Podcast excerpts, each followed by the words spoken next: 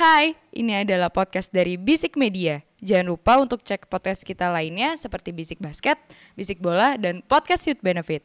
Oh iya, jangan lupa juga follow Instagram kita di @bisikmedia.id. Oke, selamat mendengarkan.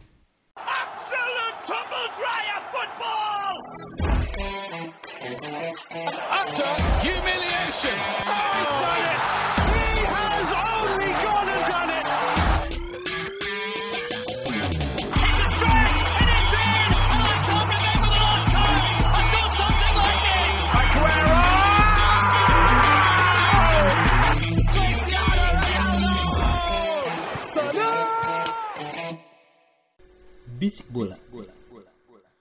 Selamat datang di Bisik Bola, sebuah podcast sepak bola yang bahas bola-bola yang bergulir mulai dari Eropa. sampai ke Indonesia Kita bahas secara ugal-ugalan tapi tidak alergi data. oke. Eh, mungkin episode kali ini agak beda sedikit karena kita eh, nggak akan ngebahas bola Eropa dulu. Eh, rasanya ada satu dua hal yang perlu disampaikan atas kejadian yang baru saja menimpa sepak bola Indonesia. Di saat sepak bola Indonesia sedang bergairah-gairahnya karena timnas eh, senior dan timnas kelompok umur yang eh, prestasinya lagi lumayan bagus. Sangat. Ada sebuah kejadian tidak mengenakan yang terjadi kemarin tanggal eh, 31 No, no, 1 Oktober. 1 Oktober 2022. Ya. Di mana kita tahu eh, kejadian tersebut eh, bukanlah sebuah berita baik bagi eh, sepak bola Indonesia pada khususnya. Eh, sebelum kita mulai tag ini, eh gue mau memberikan disclaimer dulu.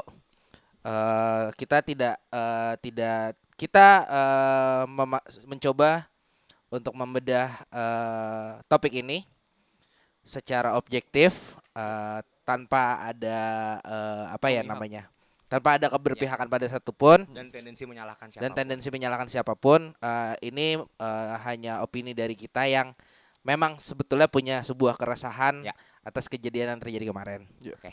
Eh, Oke, siapa duluan yang mau mulai dulu? Ya, Gimana? mungkin kita la- lain topiknya bahwa kita akan membahas eh, tragedi Gua akan Kanjuruhan. menganggap ini tragedi ya. Ah. di Stadion Kanjuruhan di Malang, sebuah duka besar sepak bola Indonesia sih. Setelah Oke. Ya setelah prestasi yang sudah dikumpulkan ya oleh timnas kita, bahkan yang mungkin klub-klub kita sejauh ini sayang sekali ini harus terjadi. Sangat menyayangkan sih gue.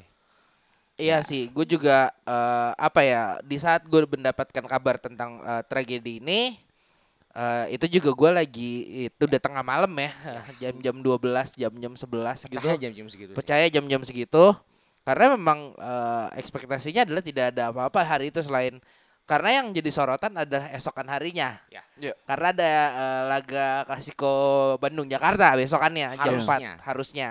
harusnya. Pada Yang akhirnya di- akan jadi laga perdamaian juga kan. Iya betul. Iya betul. betul. Cuma kan eh, ya manusia bisa berencana, Yes, yes. eh, Tuhan dan semesta yang menentukan. Oke. Eh, tapi kalau dari pandangan kalian Ya, oke. ada ada yang mau disampaikan gak sih tentang tentang Ya. eh, apa peristiwa ini? Oke, we both know ya bahwa di eh, persepak bola Indonesia ini kita selalu mengenal eh, dua rivalitas besar khususnya di Pulau Jawa. Ya, Itu ada dan dua rivalitas ini terjadi karena kota besar yang berdekatan. betul. Ya. Sebenarnya ada tiga sih, yang tapi karena yang ketiga ini karena dua-duanya baru promosi, jadi baru kayak expose. Yang ketiga itu kan antara Laskar Mataram dengan Pasopati. Oke. Ya yang sebenarnya sempat panas juga kemarin. Ya tapi eh sayang sekali yang korban jiwa terbesar yang sebenarnya bukan dari rivalitas ini. Tapi memang match kemarin itu adalah dikategorikan match yang cukup sangat high risk. Ya, ya Derby Jawa Timur lah kita bisa Derby bilang. Jawa Timur, Derby Dela eh, East Java. Iya. Dela East Java. Iya. Dela East Java Oke. ya. Kalau kita bicara kemarin eh, sebenarnya dalam pandangan gue eh preventifnya dari pihak keamanan udah cukup baik dengan melarang supporter away Away-nya datang. ya. Eh, dalam hal ini kita bicara bonek ya, Ya. Persebaya datang karena memang secara track record walaupun sebenarnya sudah cukup membaik ya. Karena dari pihak boneka juga sudah memberantas oknum-oknum bajul ijo yang tidak bisa diatur. Ya mereka sudah punya campaign tapi untuk kemarin memang tidak diizinkan untuk hadir. Ya apalagi Ya. nambahin uh, statement Imo, saya ingat gue eh, apa minggu sebelumnya eh, bonek ini juga sempat ada friksi juga. Jadi eh, ada lumayan panas lah Ya. eh, buat topik-topik bonek ini. Makanya eh, Sesama bonek ya Sesama ya? Ya. gue gue lupa tuh apa eh, korek korek Asif Asrong. Cuma eh, ini eh, apa mungkin jadi salah satu pertimbangan tidak tidak diperbolehkannya ada penonton away di Ya, Kanjuruhan. Iya. Dan memang eh ya memang harus maksudnya di Indonesia kalau rival-rivalitas itu emang rata-rata tidak akan diizinkan hadir. Ya, tidak akan diizinkan hadir. Cuman apa yang terjadi kemarin itu harus kita luruskan. Nah, ini dari fakta dari tim gabungan pencari fakta juga bahwa ini bukan kerusuhan yang disebabkan oleh Antar supporter. pertikaian supporter. Ya, betul. Mungkin ya mungkin empati gue yang kurang ya. Eh sejauh ini kan kita udah sering banget denger jatuh korban jiwa dari kerusuhan supporter. Bahkan ya di kota tercinta kita sempat sempat ada eh seingat gue satu tahun atau dua tahun lalu dari Jackmania harus jatuh juga di di di Bandung kan karena menyamar. Dan sayangnya kejadian kemarin itu bukan dari pertikaian supporter tapi ya gua akan bilang ya kesalah kesalah tindakan sih lebih ke mitigasi resiko yang tidak diperhitungkan secara baik. Ya kan tidak dengan cara baik dengan banyak faktor yang terjadi. Ya ya salah satu menurut gue Rus terbesar masalahnya adalah overload dari stadion tersebut Ya, Ya, bisa. cukup overload. Itu stadion kecil. Itu stadion sangat kecil. Ah jujur karena gue pernah ke Malang juga dan beberapa kali lewatin Kanjuruhan. Stadion ini di tengah kota singkat gue ya. Hmm. cukup di tengah kota. Segede Lebak Bulus. lebih kecil lagi sih Lebih Ini- kecil lagi. ini bener-bener Eh, Benteng Tangerang. kayaknya deh saya ingat gue ya. Ini bener-bener kayak lu ngelihat karena gue lewatnya malam sih tapi gue kayak ngeliat ini kayak di Stamford Bridge ngerti gak sih?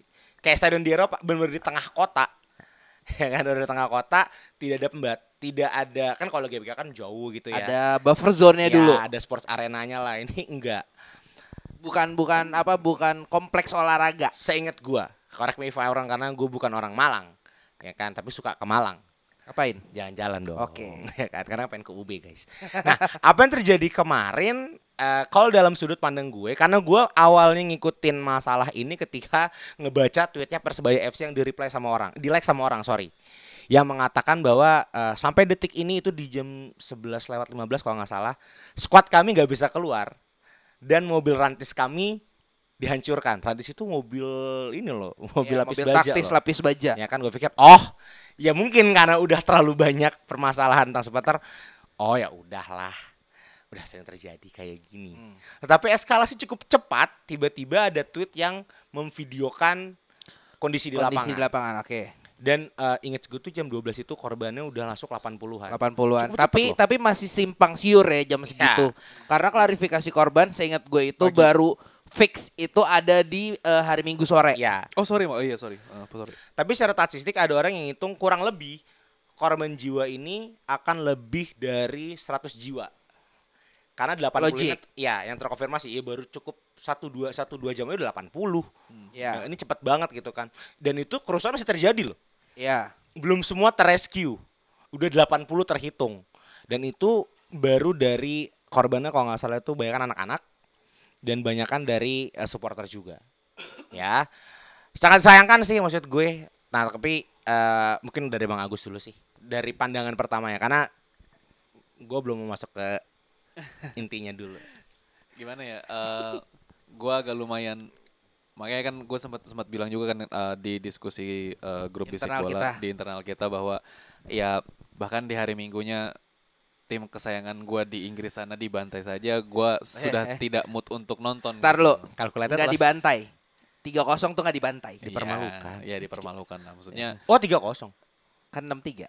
Tetap 6 kan? ya ya maksudnya gue udah gue udah nggak ada mood untuk saat itu nonton Sebentar. nonton bola lagi Eh gitu. isi ya itu petisi yang di grup ya. Tolong Apa itu? eh, nge-ban Halan dari English football ya, tolong. Iya anjir Halan. Pindah aja lu ke Sorry, Jerman. Nggak apa-apa. Biar gak gloomy-gloomy Iya, banget. iya. Ya maksudnya eh salah satu hal yang gua sukai dan gua cintai dari dari gua kecil gitu loh. Eh, sepak bola bisa em, membuat banyak jiwa hilang sia-sia gitu loh. Dalam artian ya mungkin eh, kalau ya kan kita banyak ya maksudnya ada kejadian-kejadian kayak di seperti di tim-tim kesayangan kita gitu kayak eh, mungkin di Liverpool di Hillsborough atau di gua ada tragedi Munchen. Maksudnya ada ada ada korban jiwa yang eh, bisa ada di di di dunia sepak bola gitu. Cuman ini terjadi di negara sendiri dan segitu banyaknya menurut gua ya terkonfirmasi kan 125 ya. 125 ini tuh ya Yang resmi dirilis kepolisian ya? Ya. resmi dirilis. 125 ini tuh bukan bukan lembar kertas yang dihambur-hamburkan bukan suatu satuan ukur dalam bentuk apa pun. Ini tuh 125 nyawa gitu yang hilang dalam kejadian ini gitu loh. Gue sih nggak bisa melihat siapa yang salah siapa yang benar Ya. siapa yang bertanggung jawab siapa yang tidak bertanggung jawab cuman ya gue cuman pengen ini secepatnya bisa apa ya gue nggak bisa bilang selesai sih. Cuman harus ada solusinya sih kalau menurut gue karena kan sudah banyak apa ya sudah banyak ada diskusi ya, beberapa kali. Ya kayak kemarin juga ada di Metro TV sempat eh, gua ada eh, sempat nonton Akhirnya kita nonton TV lagi ya. untuk masalah ini ya.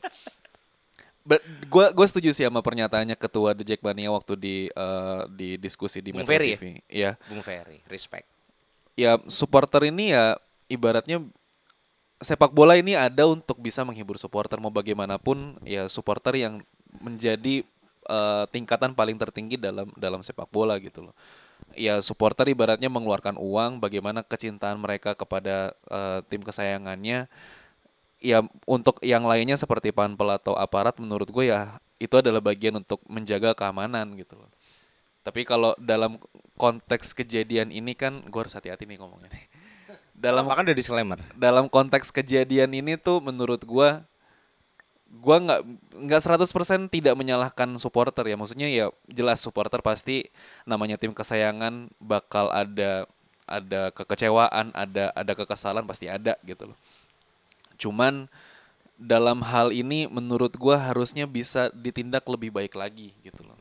Tidak harus karena kan kalau secara kejadian kan eh ada supporter yang turun ke lapangan dicoba Terlepas dari maksudnya untuk menyemangati Yes. atau untuk hal-hal lain, Hal lain. cuma ada sebuah trigger ya itu. Ya, itu kan uh, trigger. breaching of uh, apa ya? Kayak breaching of polisinya gitu lah. Sangat, Lo lo iya. ti- lo uh, menyalahi aturan ibarat Iya. dari situ. dan di situ juga pastinya aparat mencoba untuk mela- melakukan pengamanan kemudian makin chaos karena makin banyak penonton yang masuk ke tribun Ya. eh sorry masuk ke lapangan ya terjadilah tembakan gas air mata itu gitu loh ya kalau boleh masuk ke pembahasan utamanya um, ini ini menurut pandangan gue ya kayaknya kalau misalkan di ruangan terbuka gitu ya kayak misalkan demonstrasi yang terjadi di mana pun lah mungkin yang paling terakhir yang RU apa eh, KPK. ya RUU KPK itu ya. KPK apa reformasi di korupsi? Itu KPK. Beda dong. Iya, dia mau- korupsi PKS, itu eh, Dia dia mau ngetok RU korupsi, Ah. tapi yang berdampak pelemahan KPK. pelemahan- bukan Iya. omnibus ya waktu itu ya yang Bukan, omnibus kok. yang akhir tahun 2019 kan Beda, beda. Itu emang berderetan, berderetan. Iya, iya, Jadi satu aksi yang sama, tapi Iya, iya. yang temen gue eh, dapet ini apa tameng taktisnya polisi anjing dibawa ke kampus Ya an- anyway maksud gua Oh, eh, masih kuliah tahun itu. anjing Lanjut. anyway eh, di di situasi tersebut kan namanya ya di demonstrasi mana pun itu kan di ruang terbuka ya. Maksudnya ketika pasti memang ada ada eh, ada regulasi memang pihak pihak keamanan eh, ada regulasi untuk bisa menggunakan gas air mata itu pada saat di kejadian seperti apa gitu loh. Cuman kan kalau untuk di demonstrasi yang di mana ruang terbuka ketika itu dilakukan ada banyak opsi untuk eh, yang ada di sana bisa melakukan tindakan preventif entah mereka mau cabut ke mana. Maksud gua lebih mudah gitu karena kan di di ruangannya lebih terbuka gitu. Tapi ini kondisinya di dalam stadion yang di mana em, ruang terbuka memang ruang terbuka tapi di sini harus kita bawa garis bawahi juga ya pendengar bahwa aksesnya terbatas ya waktu itu dengan kapasitas penonton yang membludak biar Iya. biar biar enak aja Gus Mhm. Nggak, maksud gua menurut gua stadion ya kalau secara secara bentuknya memang eh, ruangan terbuka, cuman kan itu tetap dalam suatu eh, apa ya, suatu tempat, Konteksnya suatu bangunan. ruangan, bangunan gitu loh. Karena ini bangunan besar yang memang ibaratnya nggak ada atap, c- maksudnya nggak ada nggak ada yang menghalangi di atasnya. Cuman kan ini tetap bangunan yang di mana ada akses jalur masuk dan jalur keluar gitu loh. Kalau ruang terbuka untuk ya kayak untuk eh, contoh kasus demonstrasi kan ya mereka bisa bisa lari ke mana aja untuk menghindari hal yang tidak diinginkan gitu. loh. Ya. Ini ketika terjadi dalam stadion dan itu ditembaki ke arah tribun yang di mana mengarah ke penonton, ya jadi kayak bottleneck gitu loh. Jadi kayak ya mereka bingung mau ke mana. Ketika di ditembaki gas air mata itu, ya kepanikan pasti ada, eh, kekhawatiran pasti ada dan mayoritas yang maaf maaf ya, maksudnya yang meninggal pun juga kan dikarenakan kehabisan nafas dan ya dari segi pernafasan lah gitu. Oke. Correct me if I'm wrong, tapi gua agak kurang tahu eh, mungkin peraturan Indonesia sama peraturan FIFA be- beda, tapi setahu gue yang gue baca ya. eh, peraturan FIFA kan emang melarang penggunaan air mata, tapi eh, gas air mata cuma kayak ada bintang ya kan, bisa di Turunkan. bisa diturunkan me- Ngikuti. mengikuti keadaan atau regulasi Ya. regional atau eh, badan sepak bola suatu Ya, negara. ya. Eh, gitu ya Mo ya kalau nggak salah. Ya. Gue lupa namanya Indrawan kalau nggak salah ya. Eh, Siapa? Oh. yang lisensi. Om Om Nugroho, Nugroho. Indrawan. Nugroho. Iya, Nugroho. yang Nugroho. Pak Nugroho. Indrawan mah inovator.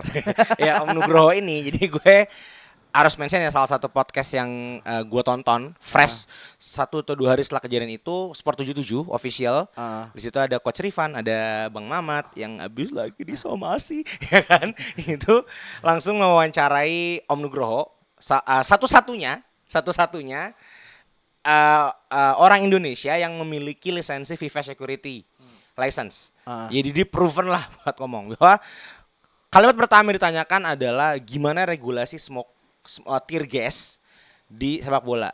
Om Nugroho cuma bilang memang di FIFA tidak boleh melarang penembakan gas air mata ke tribun. Jadi bukan ke lapangan.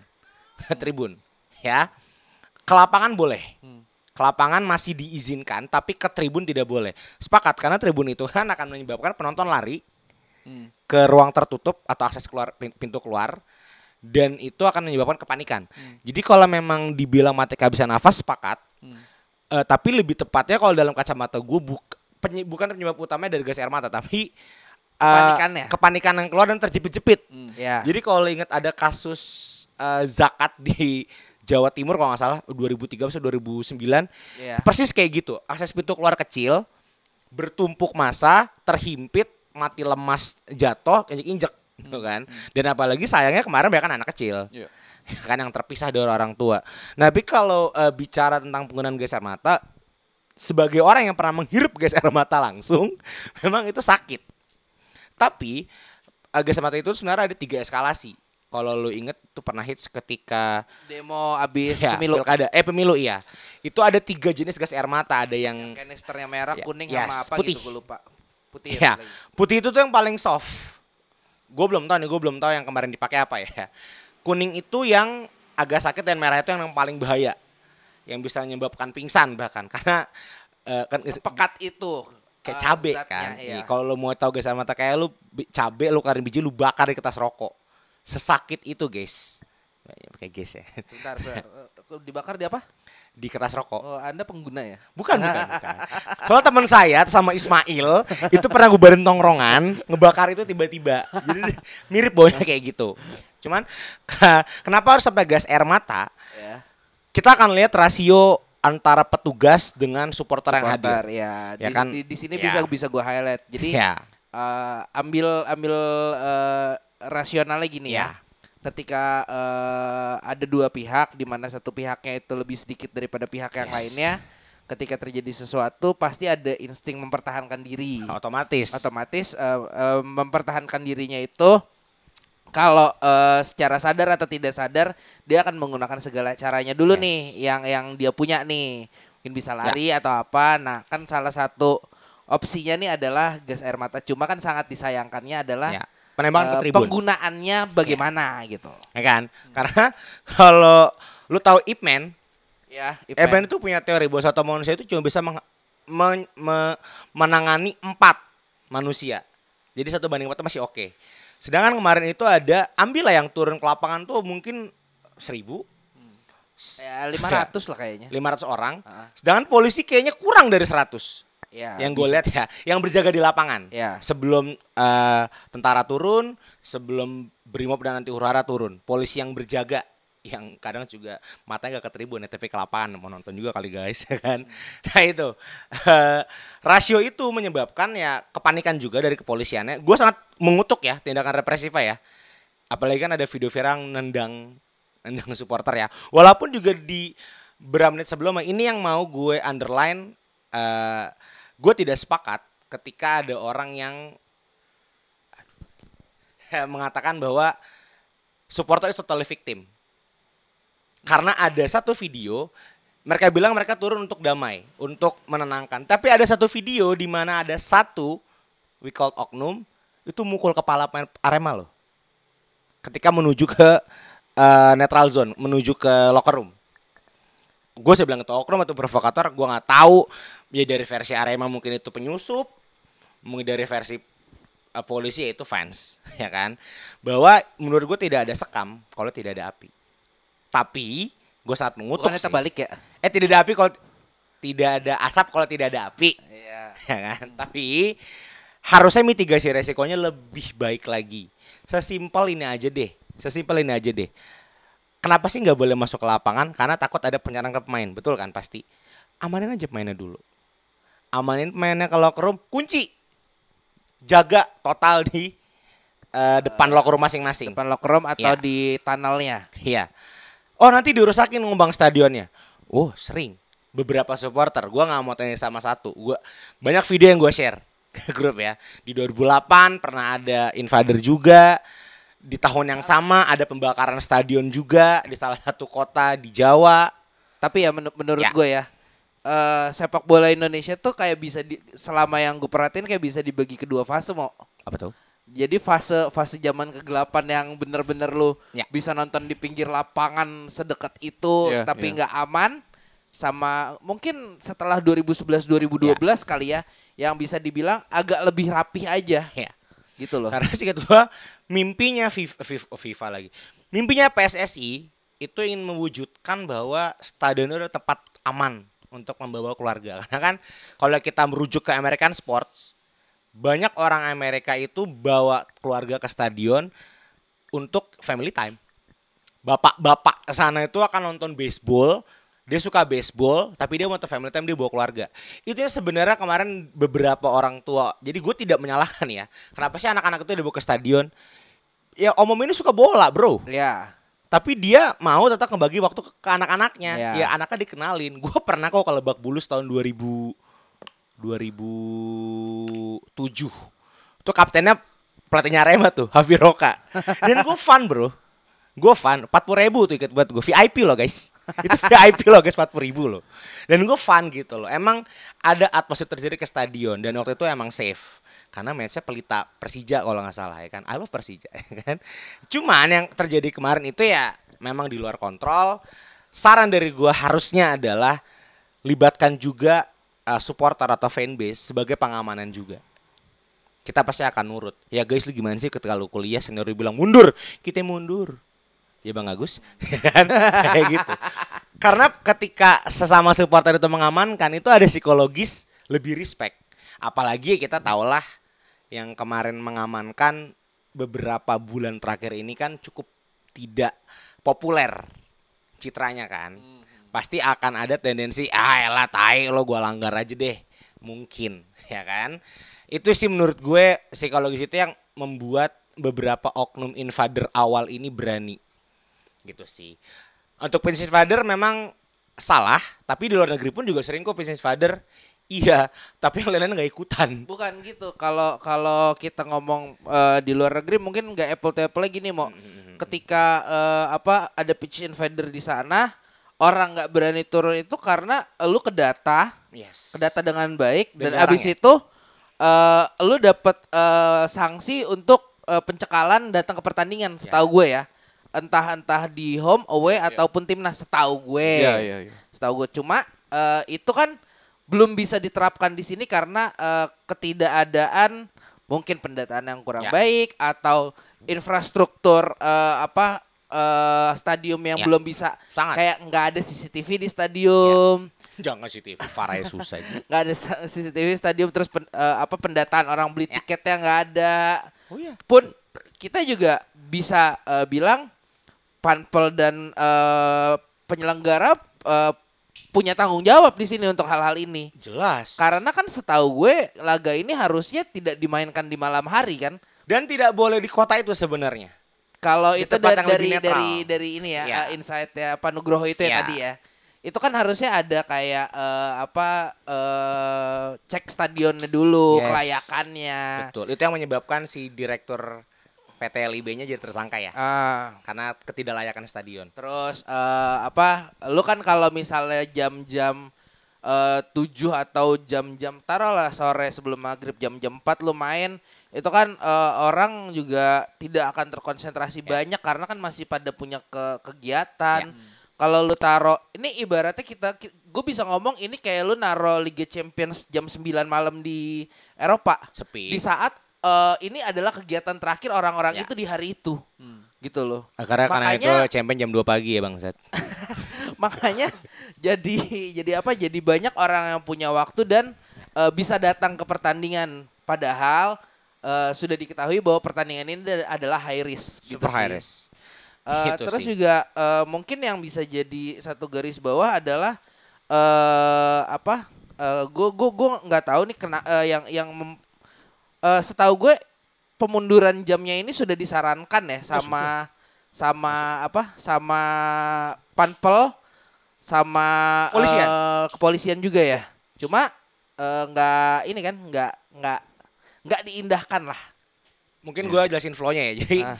setiap ada kegiatan keramaian, ya penyelenggara itu paling, har- ya. paling gampang SOTR kita butuh surat izin SOTR, keramaian di konser, situ. Ah. bahkan demo ya. ya Cuman bedanya kalau demo kan bukan surat izin, itu surat pemberitahuan. surat pemberitahuan. Setiap ada kegiatan yang menimbulkan keramaian, Ah. penyelenggara itu harus meminta rekomendasi keamanan dari kepolisian. Iya, Dari awal Panpel itu sudah minta dimainkan jam 15.00. iya. Polisi juga menyetujui 15.00 diajukan ke eh, PT LIB singkat gue selaku regulator. Tetapi ditolak. Ya. Alasannya simpang siur, ya beberapa orang mayoritas mungkin ya menyalahkan Faktor pemilik hak ekonomi. siar.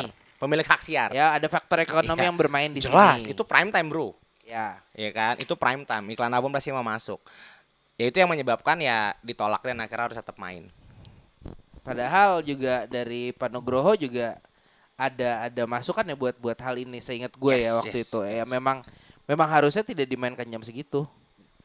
Garis bawahnya sebenarnya gini sih kalau menurut gua eh ya oke Arema Persebaya itu kan memang ya tadi udah disempet disinggung dari Jawa Timur gitu loh.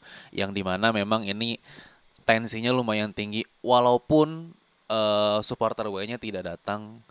Cuman sempat tadi gue pengen masuk sih eh, soal apa namanya pendataan dan eh, kalau misalkan ada provokator bisa dihukum apa namanya tidak boleh datang ke stadion berapa tahun gitu. Ya sekarang gimana mau lakuin pendataan kapasitas 38.000 bisa lu isi 42.000 gitu loh.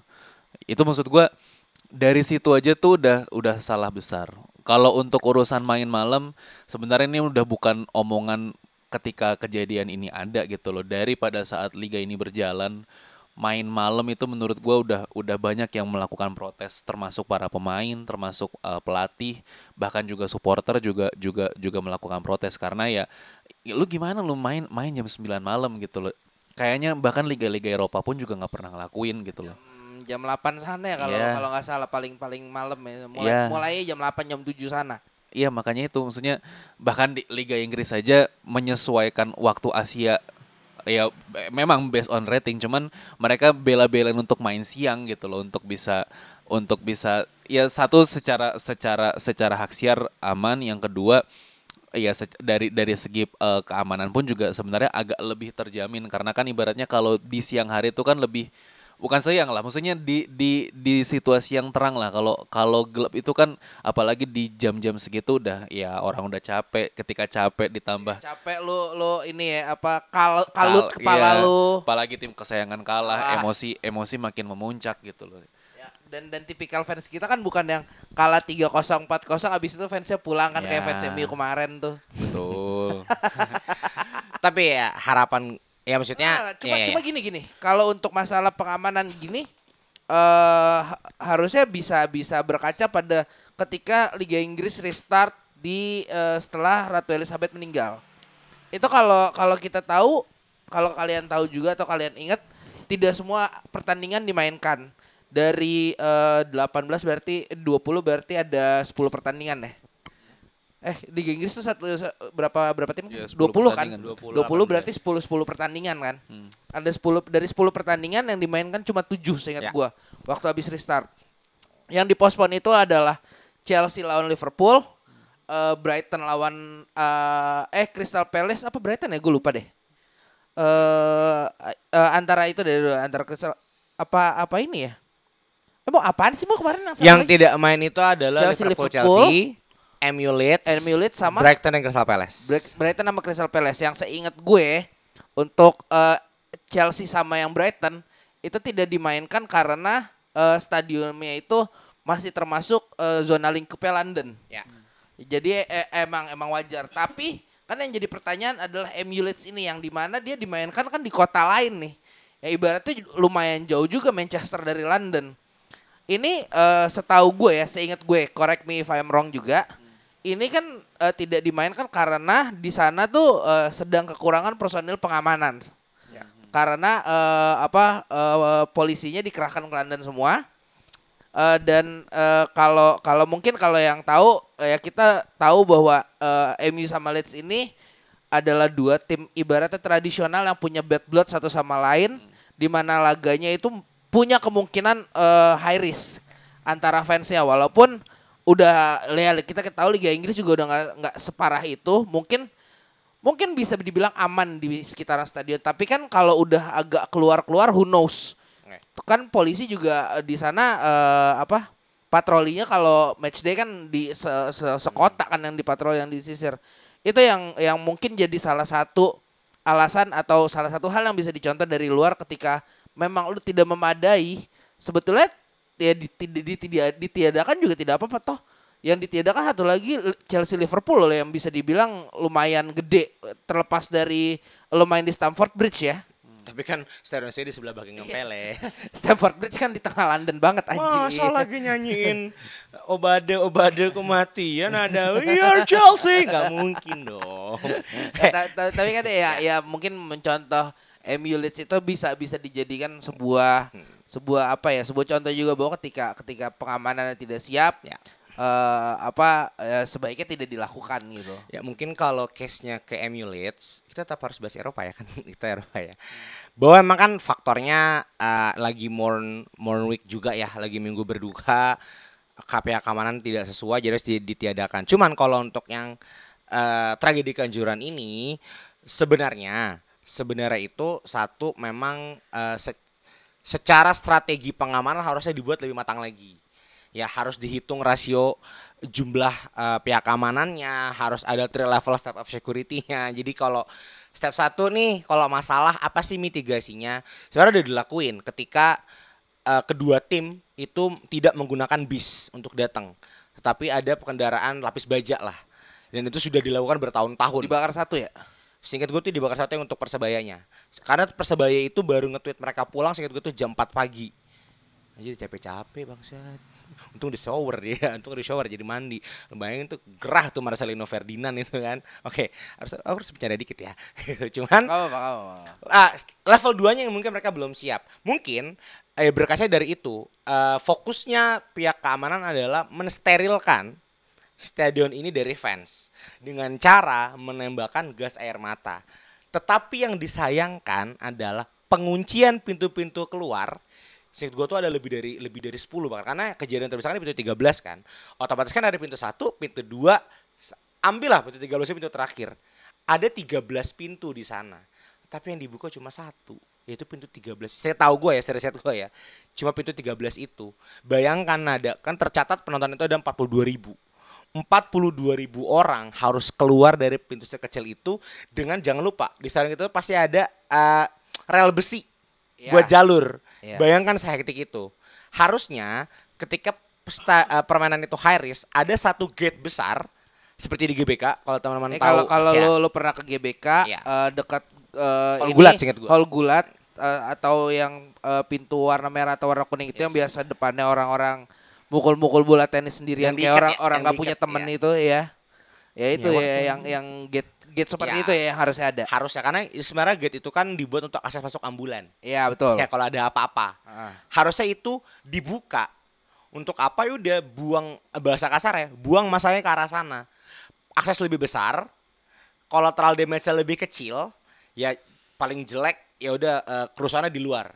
Yang lebih luas lagi dan penembakan gas matanya lebih efektif buat ngebuang Tapi dia keluar. sebenarnya kalau ada pintu kayak gitu ada opsi lain mau menurut gue mau. Lu bisa masukin eh, hal yang lebih nggak berbahaya buat membubarin ininya, masanya. Lu bisa masukin mobil pemadam di Water situ. cannon lah, Water cannon. Iya. Atau pakai Raisa. Pengurai masa, tau gak sih mobil? Iya tahu. Itu itu bukannya Ba- speaker ya? Iya, ya Speaker tinggal tapi sakit kan. Taruh speaker gede tinggal teman-teman. Mundur Ji, mundur Ji pasti. Iya. Sesimpel Eh, maksud gua iya. dalam bayangan awam gua, sesimpel itu. Ya gue gue baru Iya. kepikiran kalau ada pintu gede kayak gitu minimal satu atau dua, lu bisa masukin water cannon ke situ. Iya. Lu ditembak, lu pernah main GTA kan? Iya. Lu pernah nyolong mobil pemadam kebakaran Iya, kan? iya. Lu tembak tuh orang pakai jatuh Ji. Iya.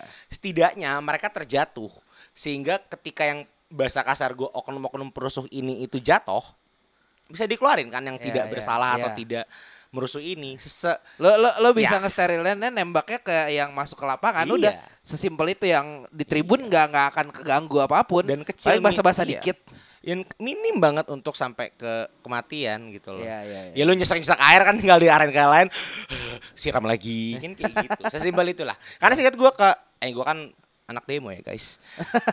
Gas air mata Ya. itu terakhir. dulu dulu ya kalau lu tahu Imo pernah naik Ya. eh, ini ya mobil mo Ya. mobil mobil orasi Karena pun yang di aksi covernya pakai itu aja mau oh nggak nggak nggak nggak bisa ada alma mater maksud. Karena yang kerusuhan di apa sih namanya? Bawaslu. Bawaslu ya Itu juga harus water cannon dulu. water wah iya water cannon dulu Iya. setahu gua jadi eh eskalasinya kalau waktu di Bawaslu eh dorong dorong dorong dorong Raisa masuk water cannon masuk baru retaliate pakai ini kan Gas air retaliate pakai apa petasan dulu iya, petasan petasan. dulu eh abis itu baru gas air mata terakhir seingat gue Opsi opsi terakhir. Cuman mungkin panik kali ya. dan dan ya itu kalau lu pernah mungkin lu lihat tweet-tweet di Twitter ada yang ngasih contoh gue lupa channelnya Business Insider apa apa itu pelatihan eh, marinir atau polisi di US itu lu dimasukin ke satu ruangan Eh, emang lu lu lu dipa- dikasih ini gas mask.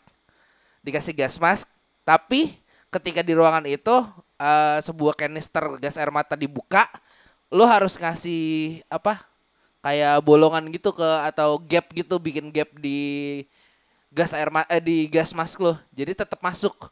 Dan itu lu kalau lu tahu sendiri efeknya lima menit di ruangan kayak gitu sih ya seharusnya lu akan berpikir dua kali sebelum nembak sih itu.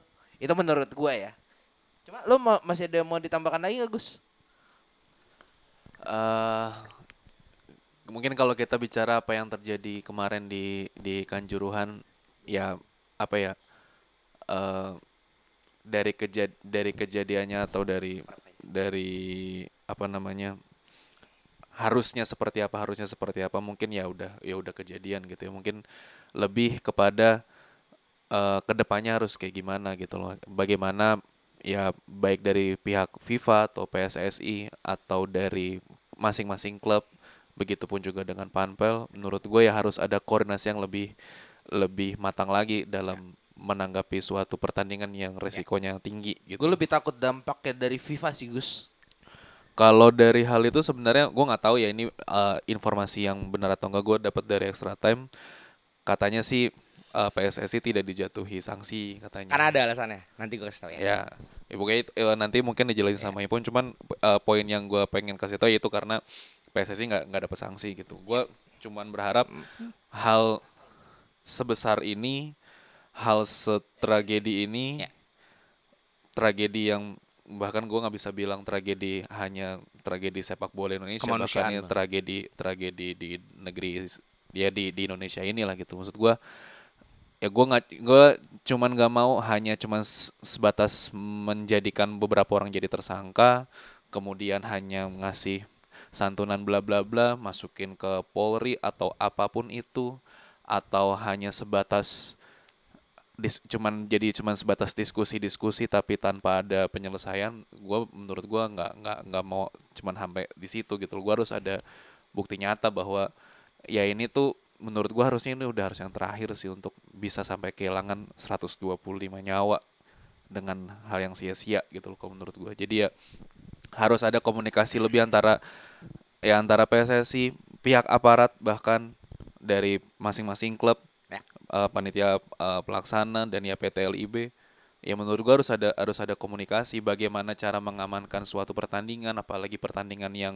punya resiko tinggi dan eh, seberapa banyak keamanan yang harus dilibatkan dalam satu pertandingan eh, membawa senjata atau tidak. Ya pokoknya buat gua semua supporter di dunia sama semua supporter pasti punya punya eh, apa ya punya loyalitas yang sama punya kefanatikan yang sama gitu loh. Ya bahkan kalau tadi bisa dibilang ada provokator dan segala macam hooligans pun juga ada provokator gitu loh yang ibaratnya banyak yang mabuk-mabuk cuman bikin rusuh doang juga banyak gitu. Cuman kita harus banyak belajar sih sama sama sepak bola di luar gitu bagaimana untuk mengamankan suatu pertandingan. Itu aja sih kalau dari gue Eh, kalau mengenai PSSI lepas dari sanksi, kita harus kenal eh, di dalam setiap sistem itu ada namanya regulator. Ngutip dari Mas Dex ya. Oh enggak, oh, maksudnya kan ke pasal. Tapi untuk s- in total, kenapa sih eh, kemungkinan besar PSSI itu tidak kena? Karena dalam sebuah sistem itu ada namanya regulator, ada namanya eh, operator. Ya ini Ya. juga eh, Om Nugroho sih yang yang Seti- Setiawan Nugroho nih ngomongnya bahwa dalam segi regulator PSSI ini udah menjalankan. Dia udah membuat turunan-turunannya, udah membuat peraturan-peraturannya sehingga yang memang dipersalahkan adalah operatornya. Karena PSSI tugasnya itu hanya memfasilitasi Fasilitasi dan mengaturnya ya dan seperti memberikan apa. arahan penyelenggaraan. Sehingga memang eh, bola besarnya ada di PT Liga Indonesia Bersatu ya. PT LIB lah ya yang dibuat oleh Om Joko Driono yang sedang tertidur di lantai dingin Prodeo ya kan? Yakin. ada ya kan? Nah kenapa PSSI tidak lepas? Satu itu karena secara regulator sejauh ini dalam analisis FIFA eh, kalau teman-teman tahu presidennya Gantini Infantino udah datang foto bareng Erick Thohir nggak tahu kenapa ke Erick Thohir apa ke Zairon Amali gue nggak tahu juga.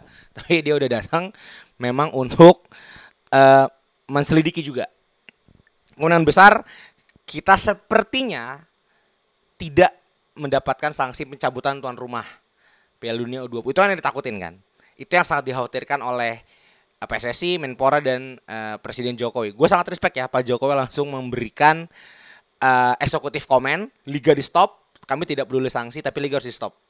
Itu the best. Buat gue itu the best. Itu tindakan seorang pemimpin.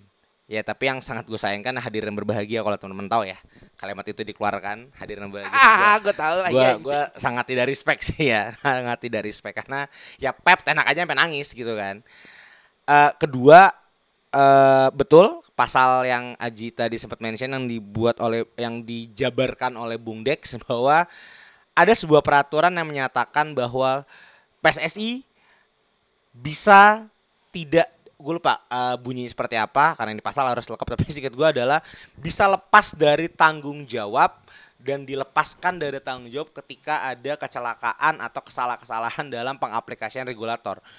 Dalam mata awam gue, uh, pasal ini cukup kuat dari dua sisi. Kenapa? Satu, ya kan gue udah ngasih regulasi. FFC kan begitu kan. Iya. Udah ngasih regulasi, gue udah kasih kewajiban lo punya security officer walaupun tidak standar FIFA. Karena yang kemarin juga nggak standar FIFA ya. Eh, setidaknya dalam setiap pertandingan itu harus ada perangkat pertandingan di mana ada salah satunya adalah petugas keamanan atau security officer. Ya. Secara regulasi udah berjalan sebenarnya. Kedua, secara regulasi turunan FIFA setiap penyelenggaraan pertandingan itu harus ada pihak keamanan yang bertugas. PSSI sudah menugaskan itu dengan kepolisian. Cuman yang harusnya kemarin di eh, dilakukan oleh PSSI adalah tindakan ketika PT eh, LIB selaku regu, operator yang ada di bawah PSSI itu tetap memaksakan pertandingan dijalankan di malam hari. Di situ harusnya PSSI punya hak veto Hak untuk veto. membatalkan hal tersebut. Nah, stop, better stop gitu loh. Gue regulator.